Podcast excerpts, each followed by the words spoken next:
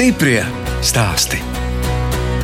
Kad eh, februārī sākas Ukraiņas karš, bija ļoti grūti. Man ir rādi Ukraiņa. Kad tu naktīs sēdi un domā, dzīvi vai nē. Kas jūs pat esat pēc tautības? Divas eh, ceturdaļas krieviete, pēc tam ukrainiete un ebreite. Rādi Krievijai ir tikai vīram. Propaganda dara savējo. Teikšu godīgi, ļoti daudz draugu es pazaudēju šī laikā, jo, protams, es aizstāvēšu Ukrainu. Es negribu būt invašam un našam, ir tāds teiciens gan jūsējiem, gan mūsējiem. Te nevar būt nekādas divkosības. Nevienam nav tiesības ienākt svešā zemē. Tā saka Katerina Kasatkina no Ogres novada Rembates pagasta Jaunzilnām. Es, žurnāliste Daina Zalamane, ar šogad sastaptajiem saimniekiem, protams, runāju arī par Krievijas iebrukumu Ukrainā. Gada pēdējā dienā vēlreiz tiksimies ar gada laikā sastaptajiem cilvēkiem. Katerina Kasatkina ir juriste, bet jau desmit gadus dzīvo laukos, audzē visdažādākos ūdensputnus un vistas, un ar saviem putniem piedalās starptautiskās izstādēs. Šogad par starptautiskām čempioniem kļuvušas viņas audzētās Tulūzas zosis. Tulūzas zosis, franču šķīrne, kura speciāli veidota lielām aknām fogra. Vispār neredzēti tādi skaisti oranžu knābīši. Šķirne, ka tāda arī ir nemantiska vērtība. Šķirnes arī ir daļa no tradīcijas. Piemēram, ir vistiņas šabo Latvijā zinām. Tādi pundurīši, kuri pazīstami no 16. gadsimta. Japānas šķirne, kuru saņem dāvana, tas bija nu, tāpat, kā saņem dāvana zirgu jo viņus audzē tieši imperatoriem, putnu dārziem, un vērtība tam putnam bija kolosāla. Karaliene mūsu atnāca. Kas tā tāda ir? Kāds viņai ir tas kakliņš, galīgi sarkans, tā kā kāds būtu visas spalvas norāvis. Tā, tā ir pundura plikaklīte. Viņa deja diezgan lielas olas. Tātad no pīle mums te ir Haki Kembels, labākā deja pīle. Vēl te mums taiga Pekina pīles, klasiskas un vācu. Zīlie muskusi Latvijā ir tikai man. Tur staigā mm, faverole. Pukainam kājām, jā, tā, jā. ar pieciem pirkstiem. Faverole pēc leģendas tika izgudrota Napoleonam, jo viņam nepatika vistuves gaļa. Un viņam taisīja speciālu šķirni, kura viņam varētu iepatikties. Un tā bija faverola, viena no garšīgākajām vistu šķirnēm pasaulē. Šitais ir mans Filips. Viņš ir zos, kurš uzvedas kā kaķis. Viņam patīk sēdēt klēpī, gulēt man uz kājām. Un kas šis tāds ir? Tas ir homofors. Kāda viņam pakakle? Jā, reku viņa sieva. Redziet, mums ir Jā. traģēdija. Sieva dzīvo ar bērniem atsevišķi, jo te viņš pārāk smags var uzkāpt sīkiem. Tāpēc viņš sauc viņu atpakaļ. Neapmierināts. Jā, bet viņa ļoti laba mamma. Man ir prieks uz mūsu grāmatceļa, kas iet gar manu māju. Pilnīgi visas mājas ir izpirktas. Un tas notika pēdējos divus gadus. Meitene atbrauca no ārzemēm, pārņēmusi vectēvu māju un pamesta māja. Man te kaimiņos bija arī ģimene ar diviem bērniņiem. Un, uh, viņi biznesus jaunus taisa. Viens tur taisa sierus, otrs taisa mēdutiņu, trešais vāc ābolus, ceturtais spiež sūlas. Un Man tas patīk. Tāpēc es strādāju no agrā rīta līdz vēlam vakaram, bet man tas patīk. Ir gandarījuma sajūta. Es uzturu savu ģimeni, es uzturu pārtikas ziņa vecākus, jāsūtu viņam. Periodiski sūtu draugiem uz Rīgu, brālim. Un mūsu maza ferma īstenībā pašpietiekama pārtikas ziņa. Visu, ko mēs pērkam no veikala, tie ir milti un uh, kaut kādus putrus. Manam kaimiņam, kurš audzē gaļas teļus, es viņam atdodu, piemēram, savu sienu, kas man liekas, paliek. Viņš man atdod gaļu. Ja es kaut ko nevaru izaudzēt, nu, tad es varu kaut ko uztamburēt, uzadīt ziemā, ja man ir rādama mašīna. Un pa ziemu es ādu un man kaut ko dod pretī. Pats galvenais, ka tie cilvēki, ar kuriem tu sadarbojies, ir tikpat laimīgi kā tu. Un tā ir harmonija, tā ir kaut kāda iedzīga dzīve. Un dzīvot vajag uz pilnu spāru, kad tu jūties, jā, tu strādā, bet tai pašā laikā tā ir gandarījuma sajūta. Tie bērnu smaidiņi, kuri atnāca pačamdīt siltu oliņu vai paturēt rokas zoslēni. Pat lielākais gandarījums ir no tiem smaidiem, kad pieaugušais cilvēks Ja vīrietis ir ceļš, paņem rokas vistiņu un saka, smaidīt. Tāpēc es vienmēr stāstu, ka es aizstāvēšu mazus saimniekus. Tas cilvēks, kuram ir mazs zemes pleķis, kurš viņu mīl un rūpējas, viņš nekad nebrauks svešas zemes laimi meklēt. Katerīna Kasatkina audzēja 370 ūdensputnus un vistas, tāpēc stāsts par putniem raidījumā bija garš, un pilnībā to var noklausīties Latvijas Rādio 1 mājaslapā un mobilajā lietotnē. Katerinai ir daudz un dažādi vaļasprieki. Viņa kolekcionē Anglijā ražotus zili baltus traukus ar ķīniešu motīviem, un sociālajā vietnē Facebook veido projektu Kara laika periodika, kurā dalās ar dažādiem padomiem kā arī krāja ar rokām izšūtus galdautus. Manai draudzenei nomira vecmāmiņa. Un viņai bija galdauti jau norusējuši, viņus visi gribēja izmest. Es viņus dabūju, Es viņus restaurēju, pakāpeniski man sāka davināt. Jums ir vesela senlietu kolekcija, varētu sanākt. Man bija tāda doma, kādreiz uztaisīt šīs mājas, ir man laiku rezervāts. Jo man patīk nu, gandrīz viss, kas bija tajā laikos. Tie izšuvumi ar kaut kādiem sakuma vārdiem, trauki. Un tas viss man šķiet tik trausls. Mēs tik ātri to visu varam pazaudēt. Protams, es nezinu, kam tas viss paliks. Man ar bērnu tādu norunāja, kad es nomiršu. Ja viņam tas nekas nebūs vajadzīgs, viņš visu to nodos Latvijas Vēstures muzejam. Pilnīgi visu kolekciju, grāmatas, izšuvumi, trauki, viss aizies uz turieni lai tas uh, dzīvotu tālāk. Stiprie stāsti!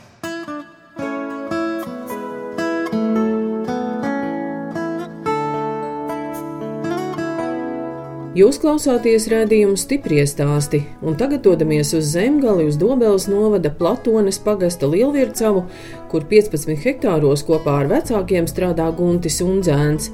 Bērnībā viņš daudz palīdzēja vecākiem saimniekošanā, tāpēc nolēma, ka laukos nepaliks. Guntis vairākus gadus pastrādājis arī ārzemēs. Es aizgāju mācīties pa viesmīlu bārmenu un somalie, un tad bija izdevība braukt pie māsas uz īriju. Viņa mācījās turībā, un viņai bija iespēja braukt praksē uz īriju strādāt. Un īrijā es tur paliku kaut kādus trīs gadus. Par atmiņu no tiem laikiem, ko jūs pavadījāt ārpus Latvijas, ir tas zelta auskariņš. Tas vēl no bērniņa laikiem, jā. Tad jau kaut kā tur vajadzēja kaut kā savu imidžu piekopt un ģērbšanās stilu. Un pēc tam atbraucu atpakaļ uz Latviju, mēģināju Latvijā strādāt pa to pašu bārmeni, viesmīli, bet nu, tās algas bija tādas, kādas bija, un nevarēju tur tos galus savu kopā Rīgā dzīvojot. Un tad bija plāns braukt uh, uz Angliju Anglijā bija atkal man jaunākā māsa. Un tad es braucu ar plānu uz turieni nopelnīt naudu, ar kuru braukt atpakaļ uz uh, Latviju un kuru ieguldīt un sākt kaut ko strādāt laukos. Vienā brīdī vienkārši bija kaut kāds klikšķis, un es sapratu, cik ilgi es te kulšos pa tiem bāriem un viesnīcām un uh, Es neredzēju nākotni tajā visā. Esmu kādreiz redzējusi vecu bārmeni vai vecu viesmīlu, piemēram. Nu, neesat, vai ne? Ja nu vienīgi tu, protams, pēc tam atver kaut kādu savu, bet tu to nevari reāli izdarīt pie tām algām, kas tur ir. Tad aizbraucu uz Angliju atpakaļ ar mērķi nopelnīt naudu, un bija mērķis aizbraukt uz vienu gadu, paliku, ja nemaldos, trīs gadus. Tur ātri dabūju kontraktu fabrikā, es tur kārtīgi strādāju. Tie īpašnieki redzēja, ka es kārtīgi strādāju, ātri man tur algu pacēla, ātri labu darbu iedeva un plasmas pakašu logus liku kopā. Visus tos trīs gadus, ko es tur strādāju, es uh, darbdienās strādāju fabrikā un sestdienas vēdienas automazgātavā strādāju. Tā kā es tur arī strādāju visus tos trīs gadus, gan arī bez brīvdienām. Man bija ļoti labi apmaksāts darbs, bet es nepaliku pie viņa. Nepatīk, jo jebkur, kur tu uz ārzemēm aizbrauc strādāt, tu vari pacelties, cik augstu tu gribi dabūt labu algu. Tu tāpat esi nu, iebraucējs, tu esi svešinieks tajā zemē. Nebija tās mājas sajūta tur. Visu laiku bija tā sajūta, ka es te neesmu savējis. Naudu sūtīju mammai, Viņi man nopirka to zemi tur, tagad, kur ir zemes audzēji. Cik labi, ka arī bija vecāki pie kāda griezties, kur jau bija to saimniekošanu uzsākuši. vai Nu, jā, tāpat viss tehnika tomēr bija no viņiem sākumā. Tagad es esmu savu traktoru, savu tehniku iegādājies. Ja nebūtu viņiem tā tehnika, tad jau būtu daudz grūtāk to visu sākt. Tiem, kam nav tas pamats, tiem ir ļoti grūti kaut ko sākt no nulles. Es atbraucu atpakaļ uz Latviju un jau pašā sākumā pelnīju tikpat, cik Anglijā, un nerunāsim jau par to, cik es pelnu tagad. Kāpēc tieši zemenes? Pašam garšo zemenes. Vispār nē, zemes. Tur ir visu laiku kaut kas jauns, visu laiku jāmācās un jāeksperimentē. Un tur nav tā, iestādi kaut kādu kartupeli un tā gaidi un zina, ka tur rudenī novāks. Tur dažādi šķirnes, dažādas garšas. Es audzēju siltumnīcā agrās un uz lauka vēlās šķirnes. Un tad arī ar viņām kaut ko var nopelnīt. Gan ar agrējām, gan ar vēlējām. Kopā ar Gunti dodamies uz kāpostu skābētāvu. Te mums ir tā. Vai cik te silti? Nu kā tas skāps kāposti? Katra mums skāps nedēļu. Pilnīgi sildītājs. Sildītāji šī sēda zītīga elektrība tagad. Bet bez šī tā nekas te nenotiks, jo nekāda cita apkura te nav. Bet siltumu te vajag. Tādēļ te kāpos neieskāps. Bet tā kā vecos laikos, redz, kā uzliek slogu, akmeni pa Nu, Jā, virsmu. tā kā vecāki 40 gadus atpakaļ sāka, tā vēl joprojām turpina. Tikai sāls kāposts un nedēļu skāpst. Galvenais jau tos kāpostus pašam audzēt un zināt, kādas šķirnes un pareizi skābēt un to darīt ar, ar mīlestību, un tad beigās arī sanāk tā garša. Mēs pa sezonu pārdodam kaut kādas 50 tonnas. Kā man patīk šī vanna. Tā tad eh, tiek izmantota nu, Nu, vanna, tā, kādā citi mazgājas. Nu, jā, tādā tā arī ir jau, nezinu, jau 40 gadi, te laikam, ja nemaldos. Jā. man arī vec, jā. Nu, bet tas ēvelējumais, tas gan ir uz Nu, elektrību. e- jā? Uz elektrību, jā, bet nu, pašam jau jāstāv te un jāspiež tas kāpos iekšā. Rīve ir taisīta, tēvs tur ir izdomājis, Nu, kādai pēc tā pasūtījuma, jā, viņi ir taisīti ļoti sen. Nu, Man liekas, ka 20 gadu točam tā rīvē ir. Kalpo vēl joprojām ļoti labi. Mamma te visus konservus taisīja, jā, pavasarī. ir plītiņa, maza virtuvīte. Ir arī viss recepts uz uh, sienas. Tas man mantojums. Konservu nolikt vēl. Kaut kas līdzīgs pagrabam, jā? Nu, kaut kas līdzīgs pagrabam arī bijusi kūts. Ja, kur viss te tomātu žēlējā, tomātu ir ļoti, ļoti iecienīta, ir ļoti garšīgi 100% tomāti. Te viss sagatavots priekš lečo ziemai. 95% paši tirgu notirgojam. Un to jau arī mēs sākām tikai tad, kad es atbraucu no ārzemēm. Līdz tam vecāki tur deva bāzēm. Ko bāzes maksā, viņi jau neko nemaksā. Tad atbraucu es, sāku stāvēt tirgu, un tagad, principā, tikai pa tirgiem arī tirgojam. Ja vairumā ir jādod, tad tur, nu, šajos laikos tas jau ir pilnīgi viens pret vienu, cik iegūti, tik dabū atpakaļ.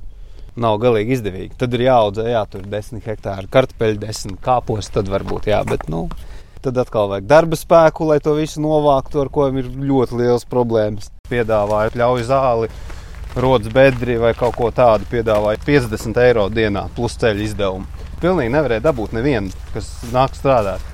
Daži man tur atbildēja, jā, pie šitām cenām, nē, nē, vismaz 80, nu 100 vajadzētu. Tad, tad, Dienā? Jā, jā, dienā, dienā. Es viņam atpakaļ uzrakstīju. Varbūt tev ir augstākā izglītība, bedres sakšanā vai doktora grāda zāles pļaušanā. Ja jā, tad ok, tad es tev ņēmu darbā un 100 eiro dienā maksāju. Guntim šoruden esot izdevies atrast darbiniekus par 50 eiro dienā, bet noturēties darbā viņi varējuši tikai vienu dienu, un pēc algas saņemšanas sadarbība beigusies. Saimniecībā ir vairākas siltumnīcas ar gurķiem, tomātiem un papriku, ķiršu dārzus, upenes un āvenes.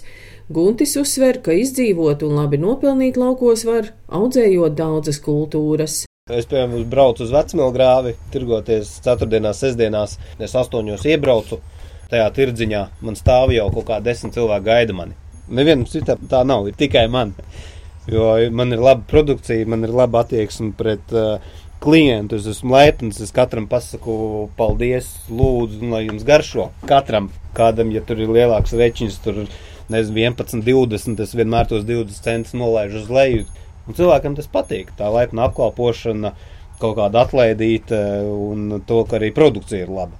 Es esmu ievērojis to, ka nu, jau pārsvarā cilvēki nāk nevis pēc manas produkcijas, bet viņi nāk pie maniem. Saņem to pozitīvo enerģiju. Pārsvarā man klienti ir gados veci, vairāk kā pensionāri, sevišķi kāpos sezonā. Kas kā skābētos kāpos cēda? Jaunie taču nē, kāpos kāpostus. Bet kā tā jums tam biznesam nākotnē, jaunieši nē? Nu, tāpēc ir rezerves variants zemes. Padomā, par kādām lietām tik nav jādomā. Nu, jā. Es saku, ir vienmēr jābūt kaut kādai rezerves kultūrai, ar kuru tu vari izdzīvot. Nevar paļauties uz vienu kultūru. Stiprie stāsti.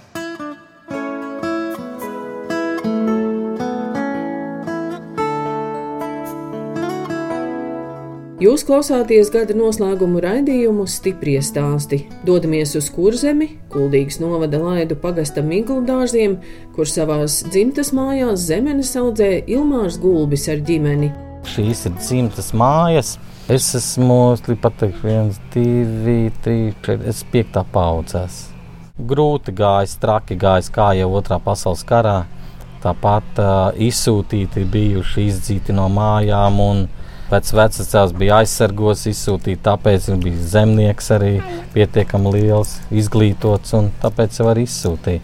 Ģimeni neizsūtīja, bet izdzina ārā no īpašuma un visādi gājas. Bet paldies Dievam, ka tas ir saglabājies. Nu, droši vien, ka pateicoties vairāk man un manai omai, ka šī vieta ir saglabājusies, ka tas nav kā šeit apkārt lielākā daļa, viss ir izpārdots pa daļām sadalīts un beigās buldozers, ekskavators, lielais zemnieks nolīdzina. Zemenes miglu dārzos audzēja pašu būvētās siltumnīcās 2000 km platībā, un zemenes auga metāla plauktos, lai lasot nav jāpieliecas. Šogad mēs siltumnīcā sasniedzam nu, neredzēts rekords. Nekad mēs dzīvē nebijām pieredzējuši tādu ražu. Nekad. Sieva rēķināja, ka no viena metra viņa nolasīja 10 kg ogu. Mums ir bijis no viena metra kaut kādi 3 kg. Trīs šādas siltumnīcas man sieva nolasa viena pati pa vakaru pāris stundās. Lai uz lauku tādu daudzumu salasītu, pāris stundās tas ir neiespējami. Tur ir vajadzīga cilvēkam uh, 80 stundu darbdiena. Mēs jau otro gadu testējam kasešu audzēšanu, stādus audzēt kasešu konteineros. Jo mūsu lielākā problēma, kas mūsu saimniecību nīcina ārā, tie ir maiboļu kāpu, tie lielie balti tāri. Šīs siltumnīcas ir labākas nekā tās siltumnīcas. Viena iemesla pēc, ka viņai ir augstākā jumta kore, lielāka gaisa masas apmaiņa. Un tas ir ļoti, ļoti svarīgi. Tīpaši tajā brīdī, kad ir augstas naktis, un ļoti karstas dienas, lai ļoti strauji neuzkarst un lai ļoti strauji neatdziest. Cik Var jums kā... te ir augsts? 5 metri? 5, 60 kūri. Viss, kas mums saimniecībā ir, mēs visu esam taisījuši paši ar dēlu tēvs palīdz. Neko gatavu neesam pirkuši. Paši izdomāts viss ir.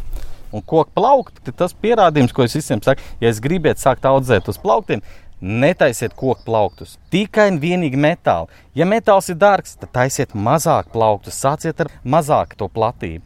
Bet vissliktākais variants, kas var būt, tas ir koks. Ja jums būs slimības, jums būs kaitēkļi, tie visi būs kokā. Viņu nevar dezinficēt pēc ražas. Metāli ir ideāli. Mēs eh, dezinficējam ar sēru 25 grādu, durvis ciet, iekšā sēra plīt un kārtīgi visu dienu tvaicē. Un arī laistīšana. 60% zemeņu ogu masu jūs dabūsiet ar laistīšanu. Ja jums nebūs laistīšana, mīnus 60%. Bet, ja kāds iedomājas, ka var izaudzēt rāžu bez mēslošanas, labi bez ķīmijas, uzmetīsies tie knuši, nokodīs tās pēdējās ogas, lai tā būtu, uzmetīsies tā miltras, to pēdējo rāžu, kas ir palikusi varbūt tā nedēļa, nu, lai tā būtu, bet bez mēslošanas jūs nedabūsiet pat vienu piekto daļu no tā, kas jums ir jādabū, ko es reāli dabūju. Ar šo gadu mēs vairāk stādus no ārzemēm nepērkam, jo 99% visi stādi katru gadu, ko no ārzemēm pirkam, bija slimi. Jāsaprot, kas tad ir tā sakņu slimība. Pamatā tās ir sēnes. Sēnē vajadzīgi savu klimatiskie apstākļi - mitrums un karstums. Siltumnīcā mēs to redzam. Un līdz ko mēs nopērkam jaunu šķirni, mēs viņu audzējam, mēs visām šķirnēm taisām auga aizsardzības dienas brauc, mēs taisām analīzes lai mēs zinātu, vai šī šķirne tiešām ir vesela. Un 99% viņas visas ir inficētas. Un ir slimības, kas zemē paliek 20, 25 gadus pēc tam stādi, ko grib, līdz ko būs labvēlīgie laikapstākļi. Šīs sēnes sāks vairoties un ies stādījumi bojā. Uzpircēji mēs pēdējos 6, 7 gadus vispār nedodam nevienu ogu. Jo viņi jau ir bezskaunīgi. Viņi grib nopelnīt tikpat, cik to audzējot. Viņi brāķē, un tad viņam tas nepatīk. Tas labāk audzē mazāk, bet pārdod pats.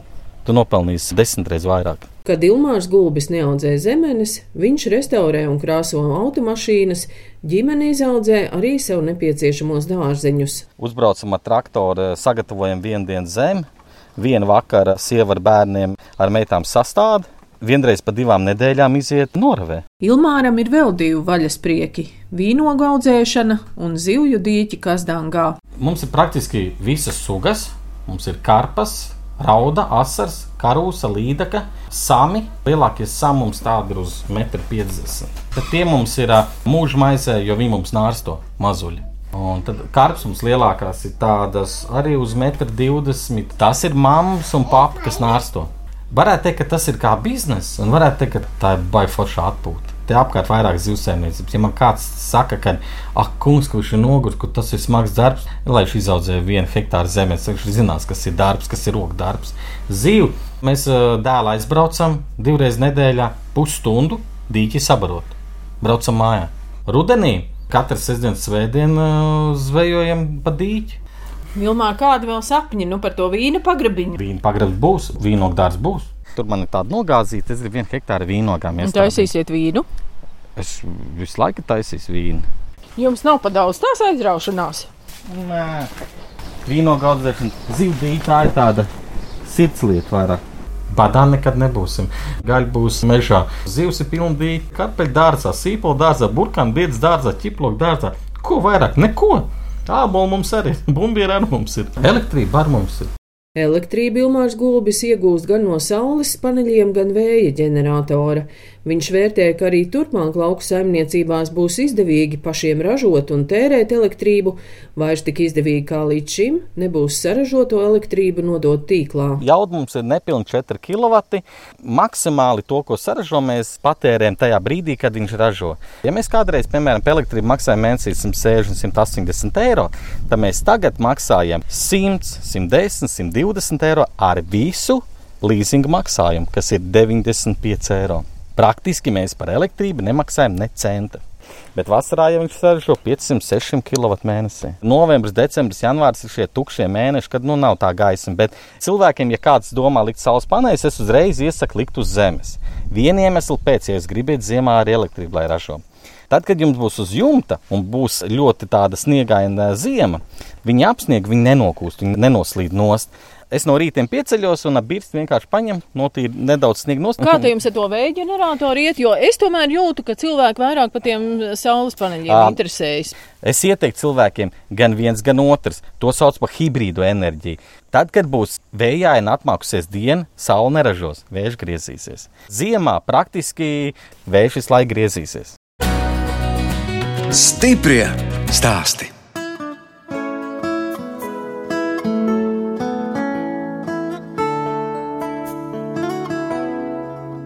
Skan gada noslēguma raidījums Stiprie stāsti. Dodamies uz Tukuma novada Jaunpils pagastu, kur dzīvo zāgmaņu ģimene, daudz bērnu ģimene, kurā izauguši septiņi bērni, sešas māsas un brālis.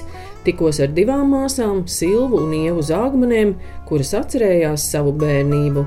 Kā komanda, jā, visi septiņi tur augā. Tikko mēs iemācījāmies staigāt, tad mēs varējām iet gandrīz, kur mēs gribējām. Mēs pavadījām krūmos, kokos, mežos, pie upēm. Bet viens otru pieskata, uzmana, un nekādas tādas ļoti trakas lietas nenotika. Vienīgi atceros, ka sila nokrita no koka. Bet nu, nekas nebija salauzts, bija kārtībā. Dārzi bija. Es konkrēti tur nemīlēju daudz ravēties. Ja teica, aizsūtīja ravēt kartupeļus, tad es pazudu uz upīti, peldēt uz visu dienu, un tā kartupeļi palika aizauguši. Bet tagad ir tā forša, kad ir tas dārsts mājās, bet mēs mammai vairāk atstājam, jo tas ir redzams, ka tā ir viņas tāda sirdslieta īsta un ļaujam viņai tur izpausties. Ja nav dārsts, tas ir satraucoši. Nav tāda laba sajūta, ka tu pārtiec tikai no veikala. Tas tāds drošības sajūta. Tēvs lika strādāt, viņa vārds bija disciplīna. Tad vēl mēs ļoti daudz sportojām. Sportā. Tēvs bija treneris, un tad bērnība īsumā pagāja arī sporta namā. Bet tas ir miris. Jā. Un kā bija ar iztikšanu tik lielā ģimenē? Bija vajadzīga palīdzība pavisam noteikti ar katru bērnu, kas ienāk klāt jaunā ģimenē. Tas ir uh, vajadzības papildus.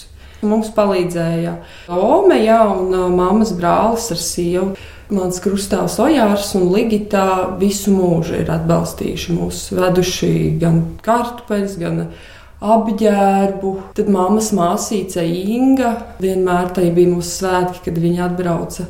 Siltas jūtas sirdī, kad redzam, viņa daudz ko ir iemācījusi. Abas ar Ingu mums tādu pašapziņu. Kaut arī tēvs teica, ka tu vari būt nabadzīgs, bet tu neesi nabags. Un viņš vienmēr atgādināja to, nekad neaizmirsti, ka tu esi stipra. Vienmēr pārbaudas jautājums bija, kurš tevi mīl? Un tev vienmēr bija jābūt gatavai atbildēt, tētis. Un vienmēr jūs varat mācīties skatāties viens otram pakaļ, lai viss notiek un atbalstat un turaties. Jā. Jā. Grūtāk palika tad, kad jā, tēvs sāka dzert vairāk, un viņš to labi zināja, ka viņam ir tāda problēma. Es viņam prasīju, vai viņš kādreiz to beigs darīt. Nu, es kā bērns ticēju, ka tas varētu to ietekmēt. Bet es ļoti respektēju to, ka viņš man godīgi pateica, ka nē, viņš man nemaloja. Viņš teica, ka mums vienmēr ir jāturās kopā un ka mēs būsim tas spēks, ja mēs turēsimies kopā. Tad, Tā ir. Jā, bet viņš arī, piemēram, ķemmēja mums matus. Vīlēja man nagus, bet ar piebildi, ka jābūt spīciem, lai var ieskrāpēt labāk. Un māma taču jums ir arī māksliniece, ja? Māma glazno? Jā, māma visu mūžu glazno. Bet viņai ir vispār agronoma izglītība Jālgavā iegūta. Un tā sirdslieta viņai ir gleznot, rakstīt, organizē arī sadarbībā ar Alans salām sociālo palīdzību cilvēkiem. Baznīcā Jaunpils palīdz Silva Zāgmane savulaik atjaunoja un izremontēja Jaunpils publisko pirti. Arī pati ir pirtniece, bet sešas māsas pērn izveidoja kopīgu dāvanu komplektu ar pirtslietām. Šeit ir lāsmas, ekoloģiskā ekosojas vaskas vecītē ar ēteriskajām eļām un ziediem burciņā, kur smaržīga. Ance staigā pa pļavām vasarā un ne tikai bauda, bet arī salas augus, kurus pēc tam var destilēt. Šis ir hidrolāts. Te ir destilēts augs, un šis ir pelešķis. Tad ir ievas ražotās sejas ziepes ar dažādiem augiem klāt. Silva, jūs arī taisat glicerīna ziepes? Jā, šeit ir arī ziepes, jā, glicerīna ziepes ar ēteriskajām eļām un dažādiem augiem klāt. Rokām izmantojam forši smaržīgi, skaisti, bērniem patīk. Dažādās formās, sirsniņas, ziedi un Sofijas skrubīši. Viņi taisām rīvīšus no sāls un no, vai no cukura. Klāt ar augiem un eteriskajām eļļām. Tā kā tāds viss, ko var nest uz spirti un lāsmas svece atmosfērai. Jā.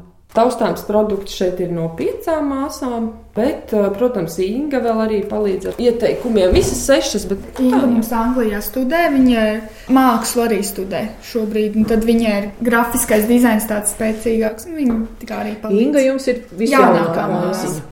Tagad dažas māsas turpina veidot pirtslietas, bet Silva strādā par sociālo darbinieci. Ģimenes atbalsta centrālā iestrādi Dobels novadā un Ieva darbojas kristīgos darbos Rīgā. Starp citu, ar māsām Silvu un Ievu tikos Jaunpils baznīcā, kam šogad apritēja 430 gadi. Iekšpusē ir restaurēta, Un altāris, nu, kas Lutāņu baznīcām, es domāju, nemaz nav tik raksturīgs. Tur tāds ar kogriezumiem un Jā. apzeltījumiem. Mm, melns un krāsains. Un mums atkal ir ērģeles, un viņas ir ļoti skanīgas. Nu, meitenes, kādi vēl sapņi? Lai mēs pieņemam izaicinājumus, lai tie mūs dara stiprākus. Tāds darbīgais sapnis ir rakstīt un veidot projektus kas veicina sabiedrības tādu līdzdalību un uh, to izpratni, ka šis laiks ir mūsu laiks, mēs varam te piedalīties. Tāds miers, lai ir, lai izdodas spērt pareizus soļus, lai, lai nenomaldies dzīvē, lai ej uz priekšu lēnām. Netrakojot, vērot, un viss notiek, un viss saužās, tas deķis diezgan stingri, tāpat bez trakošanas arī.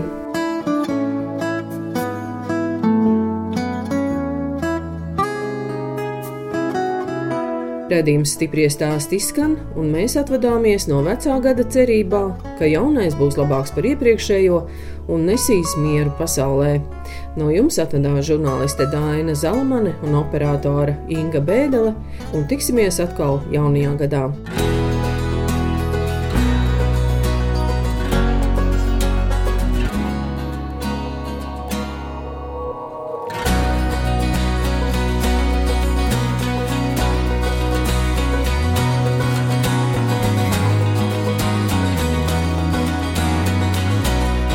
Stiprie stāsti.